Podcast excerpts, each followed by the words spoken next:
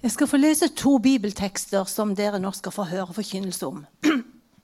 Det første verset leser vi fra Romerne 12, vers 2.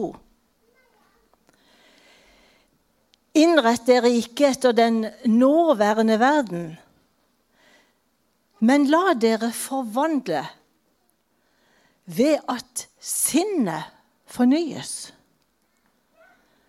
så dere kan dømme om hva som er Guds vilje, det gode, det som er til glede for Gud, det fullkomne.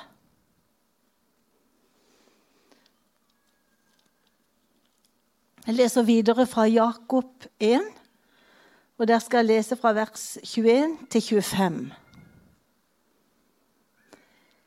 Legg da alt, legg da av alt urent og all ondskap. Og ta ydmykt imot det ordet som er plantet i dere, og som har makt til å frelse sjelen deres. Dere må gjøre det ordet sier, ikke bare høre det. Ellers vil dere bedra dere selv. For den som hører ordet, men ikke ikke gjør det ordet sier, ligner en mann som ser på ansiktet sitt i et speil. Han ser på det, går sin vei og glemmer straks hvordan han så ut. Men den som ser inn i frihetens fullkomne lov og fortsetter med det, blir ikke en glemsom hører, men en gjerningens gjører. Et slikt menneske skal være lykkelig i sin gjerning.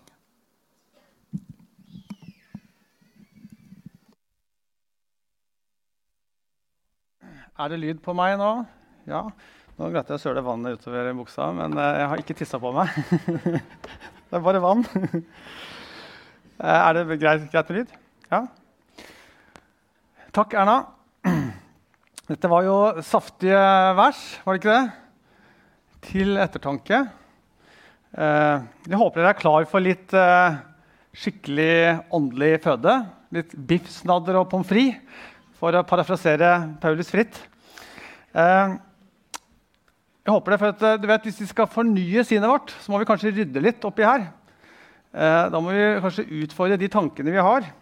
Fordi det vi tenker, og det vi stoler på, det vi tror på, det påvirker hvordan vi lever livet vårt. Det er litt av essensen i dag. Hvis noen ikke kjenner meg, så heter jeg Andreas eh, Magnus og er del av lederskapet her i menigheten. Eh, og jeg skal få lov å fortsette på den taleserien som vi har holdt på med nå helt fra august. Og vi tar for oss Tusen takk, Vemund. Vi tar for oss visjonen til menigheten. Å elske Gud elske mennesker og elske eller bevege verden. har vi brukt som uttrykk. Så Under overskriften elske Gud' har vi funnet tre eh, begreper som vi har liksom prøvd å pakke ut. Og Øyvind, eh, hovedpastoren vår, snakket om det første gangen. Eh, dette med identitet. Hva vil det si å ha vår identitet plantet i Gud? Vi er blitt invitert inn i, i, i hans familie, bli hans barn, og la han få lov å definere hvem vi er. Ikke alle andre. Og når vi gjør det, så får vi et trygt fundament å stå på. Da er vi ikke så sårbare for krenkelser, for eh, menneskefrykt, for et, et, et såret eh, selvbilde. Vi kan være trygge på at han som virkelig teller, han som virkelig vet alt, han går god for oss. Han garanterer for oss, og han er investert i oss. Og så var det andre ordet, det var intimitet, som Stian, vår andre pastor, snakket om forrige gang. Fordi at når vi har inntatt denne rollen som Guds barn, så trenger vi ikke å stå på avstand fra Gud og liksom bare være redd for han. For han er jo stor og mektig, men vi kan få krabbe opp på fanget hans og si 'Abba, far', som Jesus lærte oss. Pappa Gud. Eh, og så kan vi være helt åpne, helt ærlige med alt i livet vårt.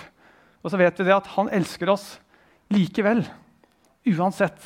Og selv om vi kan lese på nyhetene at strømprisene går opp, og renta går opp, og krigen raser i nabolaget, og det er så mye å bekymre seg for, så vet vi at eh, på laget vårt så har vi verdens skaper, den mektigste personen i universet. Det gir en fantastisk trygghet og en glede. Eh, og så har vi kommet til dagens begrep integritet. Eh, og hva er det det handler om, egentlig? Jo, hvis vi har fått denne nye identiteten, og vi kan oppleve den nye intimiteten og erfare Guds kjærlighet, da vil det drive oss til også å ønske å leve i pakt med Hans ord. Leve i lydighet eh, og underordne oss Hans ord.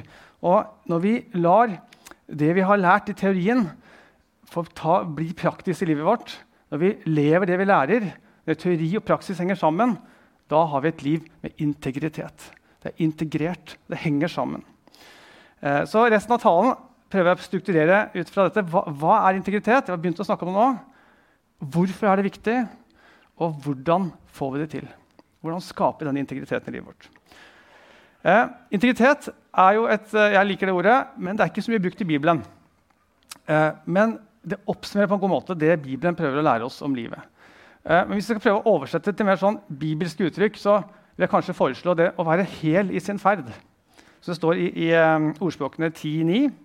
Eller å ha et udelt hjerte, som uh, det står i Salme 86. Og Kong David, som skrev mange av salmene, han ble ofte kalt en mann etter Guds hjerte.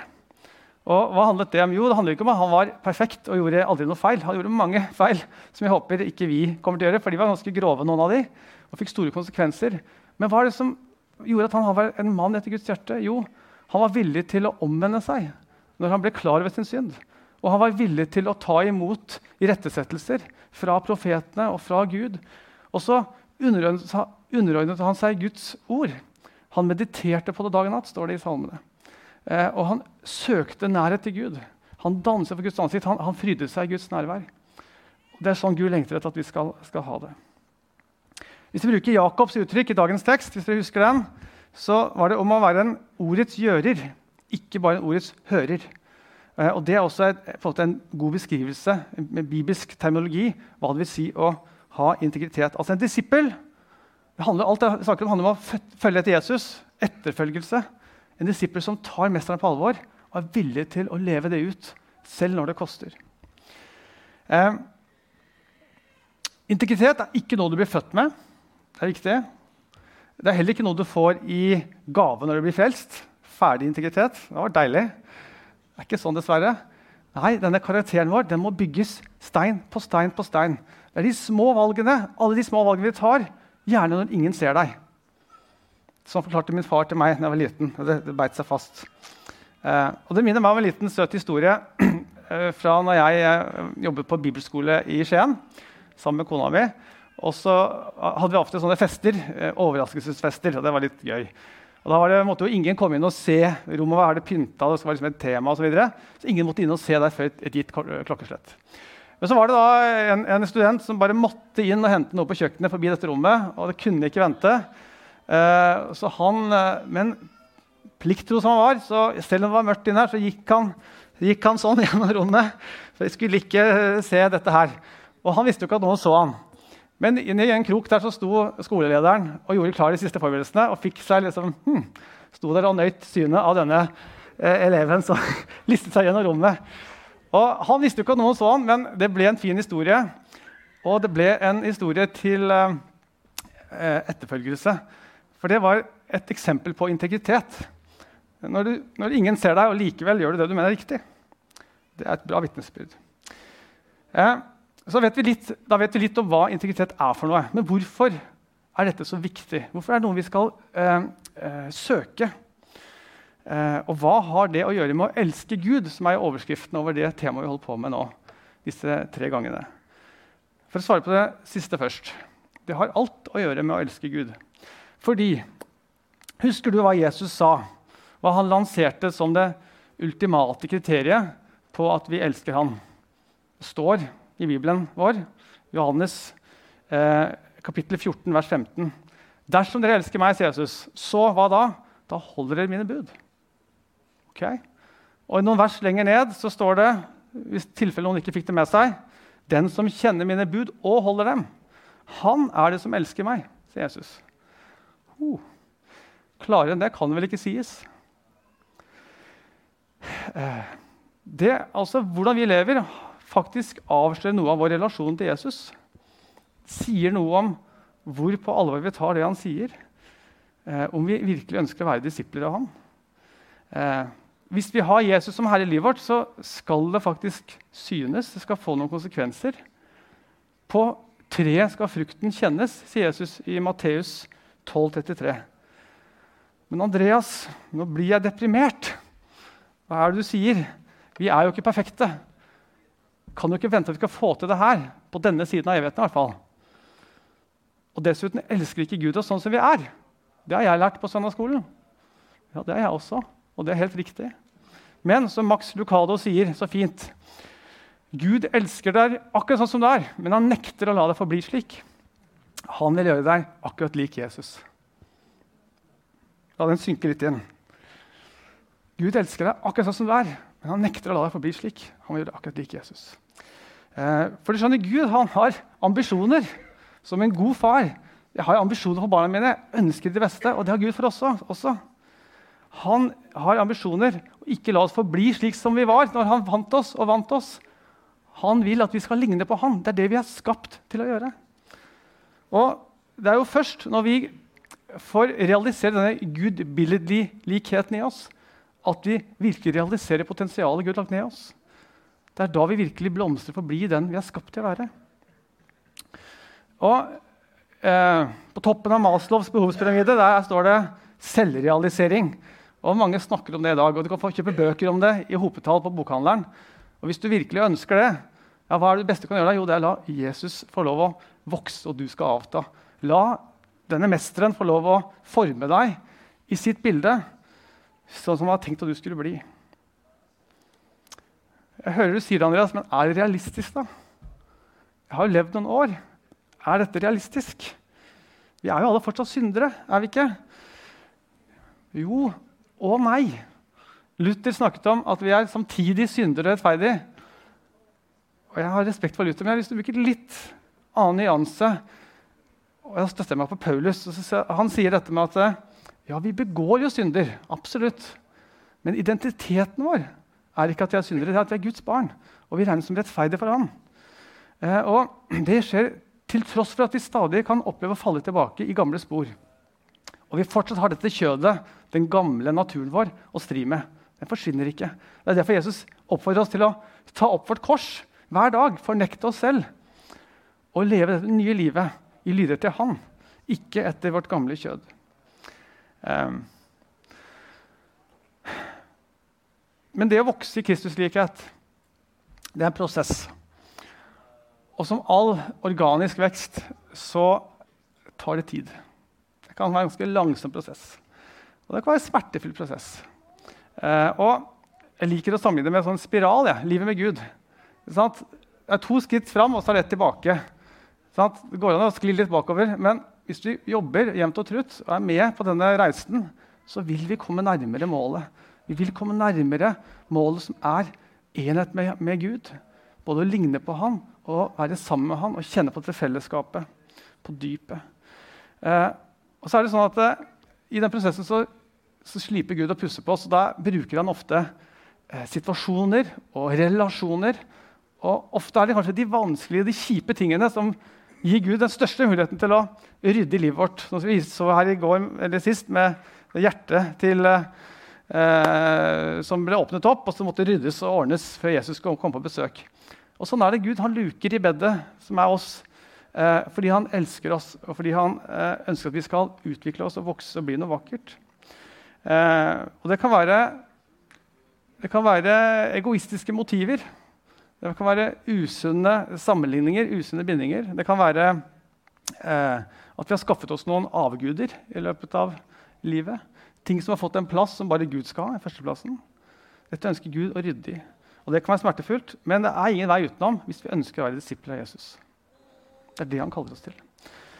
Men jeg gir meg ikke helt, Andreas. Er ikke dette litt sånn gjerningskristendom, da? Alt dette fokuset på hvordan vi skal leve.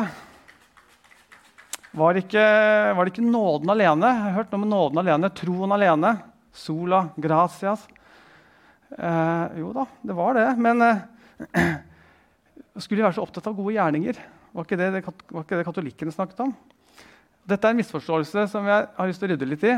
Og, eh, men det er riktig det at det, Det er av nåde vi er frelst. Vi kan ikke legge noen ting til for å få Gud til å elske oss mer. Men så er det heller ikke slik at livet stopper når vi blir frelst. Det er jo da det virkelig begynner. Det er når vi blir kjent med Jesus, at livet virkelig begynner. Og ikke bare livet, men det evige livet.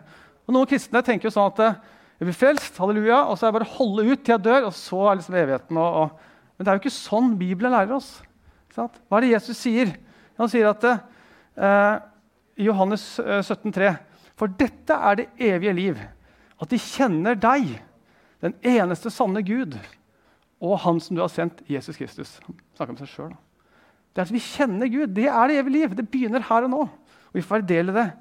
Og eh, Gud har faktisk noen tanker om hvor veien går videre etter at vi blir frelst. Han har ambisjoner for at Han ønsker å ha oss med på laget som medarbeidere til å forandre denne verden her, og til å bringe legedom til en verden som virkelig har behov for det. Eh, han inviterer oss med på et eventyr. Et skikkelig eventyr. Og reisen den er betalt, men den forplikter også. Eh, dere har merket at Vi leser to bibeltekster i dag. Uh, og det er jo selvfølgelig fordi jeg er notorisk uh, vinglepetter som aldri klarer å bestemme meg for hvilke, hvilke, vers vi skal bruke. Men det er ikke bare det. Det var bevisst også, for jeg tok med én fra Paulus og én fra Jakob. og Ofte så settes de opp mot hverandre. Paulus er opptatt av nåden, mens Jakob snakker om uh, gjerninger. og Det synes jeg Luther var litt vanskelig. Jeg helst, jeg skulle ikke vært i Bibelen, for det ble så vanskelig med disse gjerningene. Men jeg tror at Luther måtte gått én runde til der. For det er ikke noe motsetning mellom Jakob og, og, og, Paulus. For de snakker til forskjellig publikum. Vi må skjønne konteksten her. Paulus har snakker til hedningekristne i Roma. Jakob snakker til jøder. Så når de snakker om tro, snakker de om litt to forskjellige ting. Paulus snakker om en frelsende tro, mens Jakob snakker om en generell tro. Og Jødene de hadde jo det. Alle trodde det var en gud. De kjente jo Bibelens gud. Men levde de i pakt med ham? Levde de det livet ut? Så når de snakker om rettferdiggjørelse, er det også litt forskjellig betydning. Paulus snakker om å bli rettferdiggjort her og nå fordi vi tar imot frelsen. Mens eh, øh, Jakob snakker om rettferdig, rettferdiggjørelse på dommens dag. Når Gud skal belønne oss for de gode gjerningene vi har gjort. For det er, Vi får igjen for de gode gjerningene. Det er ikke sånn at det, ingenting teller. Vi snakker om to for litt forskjellige ting. Uh,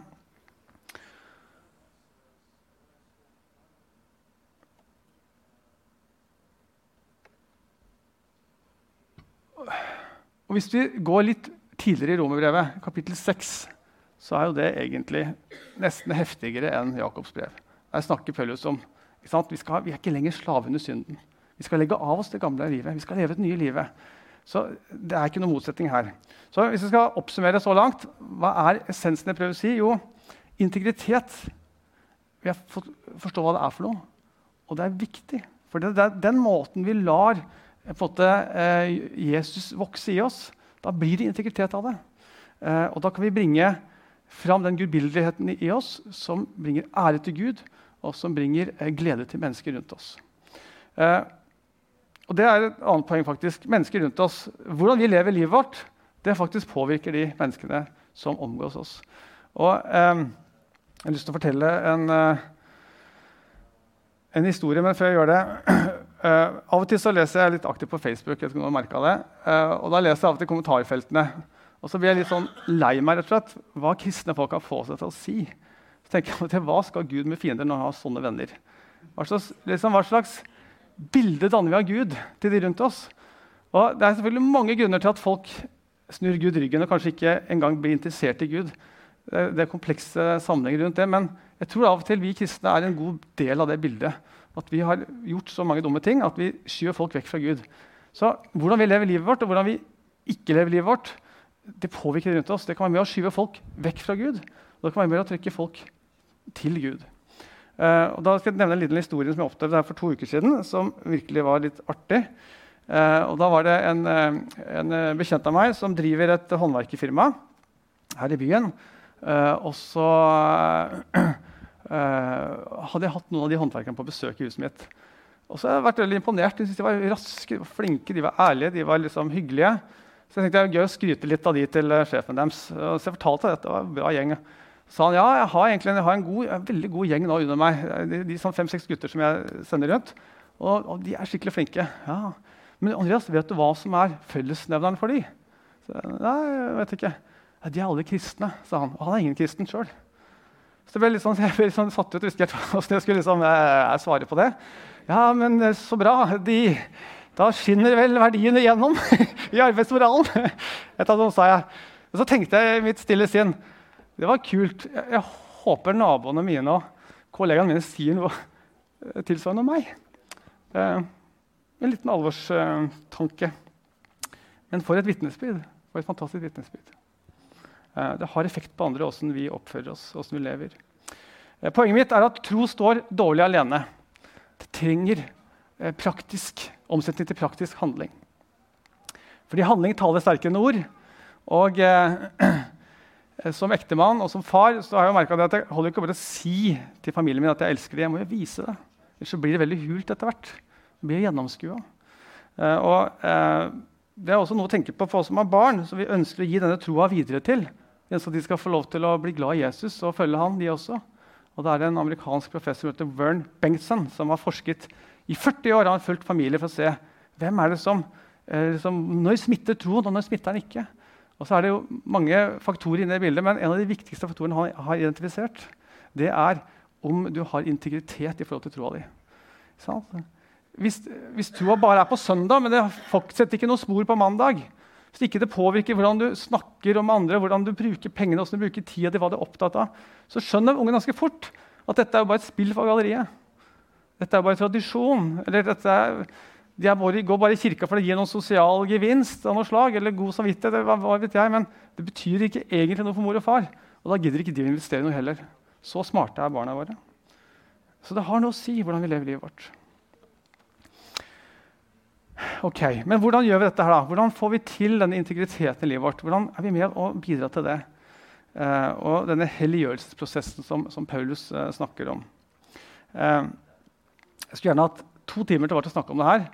og jeg, liksom, jeg, er livredd for å ikke liksom, bli nyansert nok, så folk opplever enten fordømmelse eller noe annet. Men, men, det er jo både to aktører her. Det er Gud, og så er det oss. Og nå velger jeg å fokusere på oss. Vi snakker om å elske Gud. Hva kan jeg sjøl bidra med? Men er selvfølgelig er det Gud er også viktig i den prosessen her, men det må vi ta en annen tale. Um, men først også en liten advarsel. Det er to grøfter å gå i. Um, det ene er å tenke at uh, bare jeg tar meg sjøl nok i nakken, bare jeg har nok selvdisiplin, så fikser jeg det her.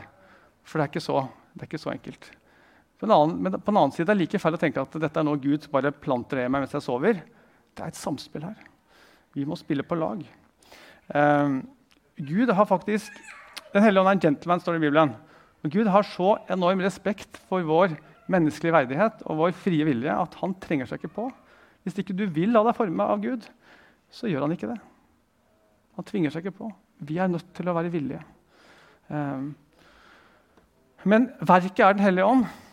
Det er Gud som er pottemakeren. Vi er læreren. Vi må la ham få jobbe med oss. Vi må slippe ham til. Vi må åpne opp. Det er Gud som har initiativet, akkurat som i rettferdiggjørelsesprosessen. Det er han som har initiativet, men vi må svare ja. Vi må, vi må ikke skyve han fra oss. Um, og så har vi alle fått en liten porsjon eller stor porsjon viljestyrke i fødselsdagsgave fra Gud når vi ble født. Uh, og Det er på mange måter det som skiller oss fra dyrene. Og Den bor primært i frontallappen. Og Vi har mye større frontallapp og mange flere koblinger til resten av hodet enn det uh, dyrene har. Og Det gjør at vi kan overstyre instinktene våre på en helt annen måte enn det dyrene kan. Og det gjør at vi kan være ansvarlige, at vi har en verdighet som mennesker. Eh, og, eh, og den er viktig. Og den kan trenes opp, men den er ikke uendelig sterk. Så å, å satse alt på den Eh, for å bli lik Jesus, det er en dårlig, dårlig sjakktrekk. Eh, selv Paulus, som jo må sies å være en ganske bra kar, han eh, hadde ikke nok viljestyrke til å basere seg på det. Han sier litt tidligere i Romerne kapittel 7, vers 19.: Det gode som jeg vil, det gjør jeg ikke, men det onde som jeg ikke vil, det gjør jeg. Det sier Paulus. Åssen uh, skal vi, da, lille meg, klare å bidra på noen som helst måte i denne Kristuslikheten? eh, når ikke jeg har viljestyrke nok til å ta de gode valgene alltid?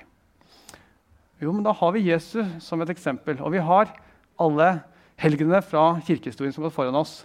2000 år med erfaring. Hvordan gjør vi dette her? Jo, vi trenger noen vaner, vi trenger noen rytmer. Vi trenger noen praksiser.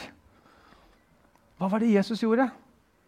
Han trakk seg tilbake regelmessig for å være sammen med Gud i bønn.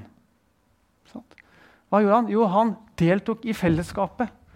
Gudstjeneste. Han gikk i synagogen på lørdagene. Ja, eh, Hva mer gjorde han? Jo, han studerte Skriften. Det er Bibel. Han hadde ukentlige rytmer. Han feiret sabbat. Han hvilte. Så han kunne stå i den tjenesten eh, over tid og fungere. Eh, så rytmer er viktig. Men også det er jo litt vanskelig å få til. Vi prøver å etablere sånn sabbatsrytme. da. I går satt jeg forberedt tale til klokka tolv. Det var jo ikke noe mye sabbatsfølelse over det. Det er ikke så lett. Nei, det er ikke så lett. Men det er å prøve å etablere noen rytmer som hjelper oss. Sånn at det kan hjelpe den svake viljen vi har, på rette vei. Um, og så har ikke Jesus tenkt at vi skal gjøre det her alene. Det er et viktig poeng. Derfor satser vi i Holdens Virke på smågrupper. Kjempeviktig. Fordi, ja, Disiplene hadde Jesus, men Jesus har også en kropp på jorda i dag. Vet dere hvor den er? Det er oss. det. Vi er Jesu kropp. Vi er ment å stå sammen. Og da får vi til mye mer enn å gjøre alene. Og så har Moderne hjerneforskning som jeg driver og studerer for tiden, eh, den støtter opp om det her.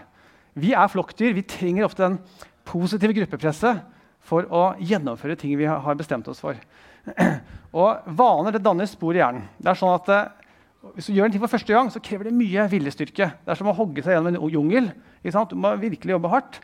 Når du har gått den løypa mange ganger, så er det som en sti. Det er mye lettere, det blir automatisert. Det er sånn hjernen sparer energi. Så vi etablerer eh, vaner så hjelper det oss. Det bærer oss. Eh, og så er det også litt sånn skremmende effekt med dette med vaner. fordi det virker også begge veier. Det er ikke bare at vi liksom, eh, vil noe, altså skape en vane. Men når vi har gjort noe mange ganger, så vil vi det vi har gjort før. Altså, du gjør det du har lyst til, men du også har også lyst til det du gjør. Er dere med? Det er, du merker samme effekten hvis du begynner å trene. Å, det er tungt å komme seg ut og få litt vondt i knærne. Det er gjort over, over tid så kommer du i flowen. Og da vil du savne når ikke du får gjort det. Det begynner å bli noe du, du, du liker. Så den, den, må vi jo bruke for alt det er verdt. Dette har Gud lagt ned i oss. Ved å etablere vaner og rytmer som hjelper oss på veien til å etterfølge Jesus. Og så er det et, en liten, eh, eh, et veldig robust funn i psykologien som er litt interessant. og Det er det som er kognitiv dissonans. Og det er hvis du, hvis du gjør noe eh, så har du behov for å rettferdiggjøre det. For det må være samsvar mellom din identitet, ditt selvbilde, dine verdier og handlingene dine. Uh, og hvis det ikke er det, så får du veldig behov for å justere en av delene, så det blir harmoni. Og I psykologien så bruker vi et sånn grelt eksempel for å illustrere det her. snakker om at uh, nazistene først så drepte de jødene fordi de hatet dem. Og så hatet de jødene fordi de hadde drept dem. For å kunne leve med deg sjøl når du har gjort en sånn grotesk handling, så må du jo rettferdiggjøre det. De må ha vært utrolig dårlige folk siden jeg kunne drepe dem. For jeg er jo en bra kar. Så handlingene våre de kan være med på å endre holdningene våre. Det går begge veier. Derfor er handlinger og de valgene vi gjør, de vanlige vi legger oss til, de er kraftfulle.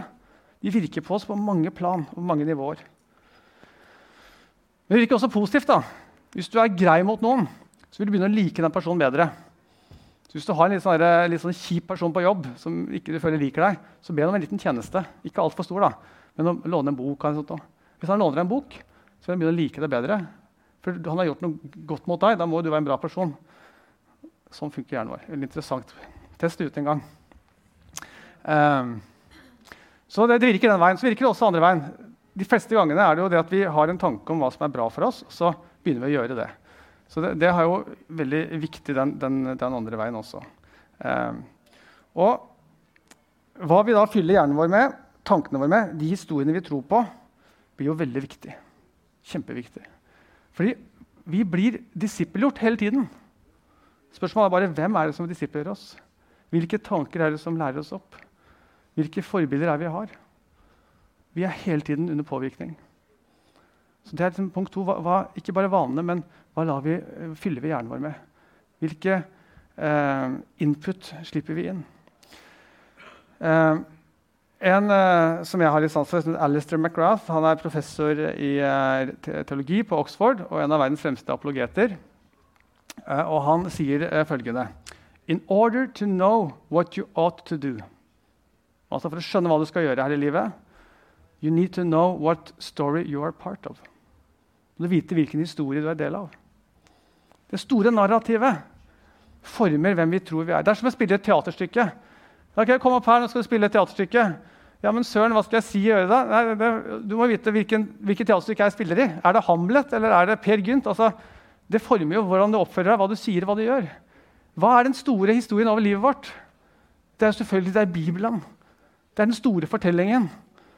Er det den vi tror på? Er det den vi lar influere oss? Er det den som får lov å danne basis for hvordan vi tenker om livet? Det vil påvirke de valgene vi tar, og hva vi kan rettferdiggjøre for, for oss sjøl, hvilke livsvalg vi tar. Vi må bade oss i den historien. Vi må la den få prege oss. Vi må svømme i den store historien. Så må vi være litt kritiske til hvilke andre historier vi lar slippe inn og forme oss. For All god kommunikasjon det er bygd på historier. Vi prøver å få noe til tro på en, en fortelling. Og Reklamebransjen og filmene de har lært det her. Eh, kjøp vårt produkt, så blir du lykkelig. Få drømmekroppen, så får du den perfekte partneren på kjøpet. Det er jo historier, fortellinger, som vi velger å tro på eller ikke tro på. Og vi må sørge for at vi fyller oss med den riktige fortellingen.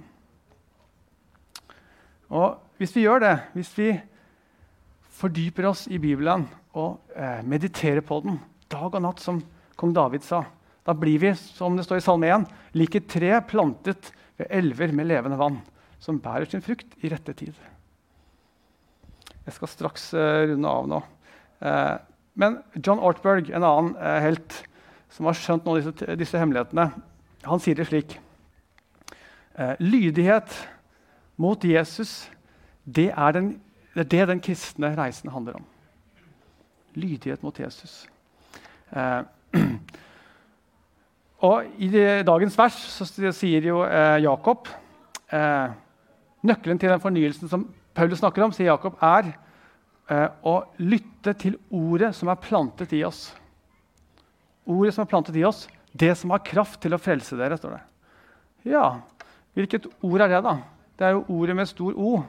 Hvem er ordet med stor O? Logos. Jo, det er Jesus. Han vi skal ligne på. Det er han som er kilden til at vi kan ligne på ham. Så er ringen sluttet. ikke sant? Det er jo ordet, når vi fordyper oss i ordet, som er Jesus så kan vi begynne å ligne på han. Det er jo helt logisk. Og lydighet på Kristus, det er den kristne veien, sier John Ertberg. Så kringer ikke alltid lydighet så bra i våre ører i eh, moderne samfunnet vårt. Det, det, liksom, det, lukter konformitet. Det er jo ikke autentisk. Vi bare lyder den andre. Det er passivt. Det er ikke så kreativt. Eh, vi er ikke så glad i det ordet. Men lydighet til Jesus, det er, det er ikke slik, sier Ortberg. Det er mye mer nyansert, mye mer intelligent enn vi tenker. Den lydigheten Jesus kaller oss til, innebærer å utvikle dømmekraft, som Paulus snakker om. Så vi kan dømme hva som er godt. Eh, det, eh, det, det, innebærer kreativitet eh, og initiativ. For Jesus kaller oss ikke bare til å droppe mange ting. Han kaller oss til å være med på å skape noe nytt. Skape forandring og bringe helbredelse i eh, en verden som trenger det. Guds prosjekt handler om å, ikke at vi skal bli regelryttere. Var Jesus en regelrytter? Nei. Han fikk jo kritikk for det. Han fulgte jo ikke alle reglene. Men han hadde hjertet på rett plass og lyttet til eh, Den hellige ånd. Lot seg lede.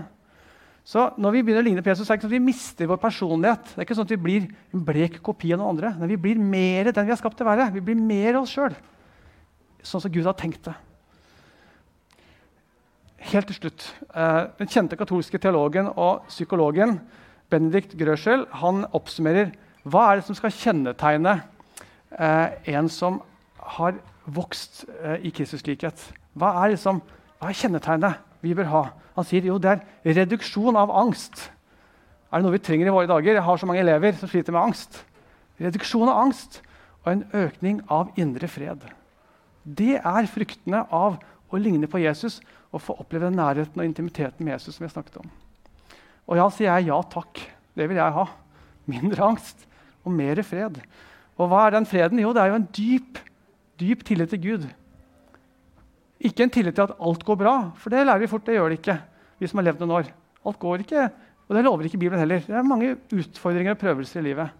Men en dyp tillit til at Gud er med oss. Og Det kan ingen omstendigheter ta fra oss. Han er med oss hver dag inntil verdens ende. Det var det jeg hadde på hjertet i dag. Jeg har lyst til å avslutte med en bønn, Også at jeg kan få lov å være litt stille. Og så kanskje Den hellige ånd vil tale til deg ut fra det jeg nå har snakket om. Eh, kanskje er det noe i ditt liv som eh, ikke er helt i tråd med Guds vilje. Hvor ikke det er integritet. Hvor ikke du helt lever det du lærer. Hvor ikke helt Jesus har fått lov å, å ta den plassen han skal ha. Kanskje du har basert deg på eh, lagt din trygghet et annet sted. Om det er penger eller jobb eller eh, suksess eller dine talenter eller hva det er. Kanskje du har en usunn sammenligning med andre som gjør at du blir utrygg. Du har ikke identiteten din hos Gud. Men Gud ønsker at du skal få lov til å ha et liv i integritet som bringer ære til Han og velsignelse rundt deg. Men Vi elsker Gud, for han elsket oss først. Så det er, ikke, det er ikke noe krav. Han presser seg ikke på, men han ønsker fordi det er til beste for oss. Så ber jeg en bønn, og så er vi litt stille, og så kan vi få lov å lytte og se om Den hellige ånd har noe han vil vise oss i livet vårt. Eh, kjære Far i himmelen, takk for at du har elsket oss først. Og Så kan vi få lov å gi respons på det. Vi kan få lov å elske deg tilbake. Og En måte er å leve sånn som du ønsker, ikke fordi at uh, du er en kjip og vanskelig Gud som elsker å lage regler, men fordi at du vet hva vi er skapt til. Og du har store visjoner for oss. Vi skal være med på ditt eventyr.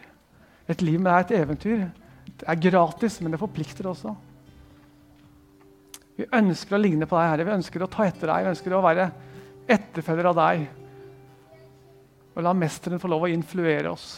Være influenseren i vårt liv.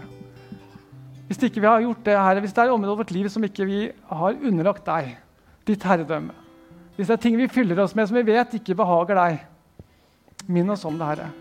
Hvis det er ting i livet vårt som ikke er i rett stand, er relasjoner som ikke vi har ryddet opp i, som vi burde rydde opp i, hvis det er uærligheter vi har gjort som ikke vi har gjort opp med, minn oss om det, Herre. Du er konkret. Du gir ikke noen generell fordømmelse, men du gir oss konkret overbevisning om synd, Herre.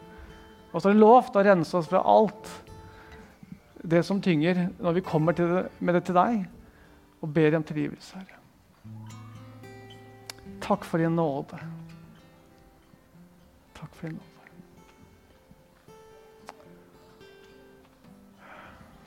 Amen.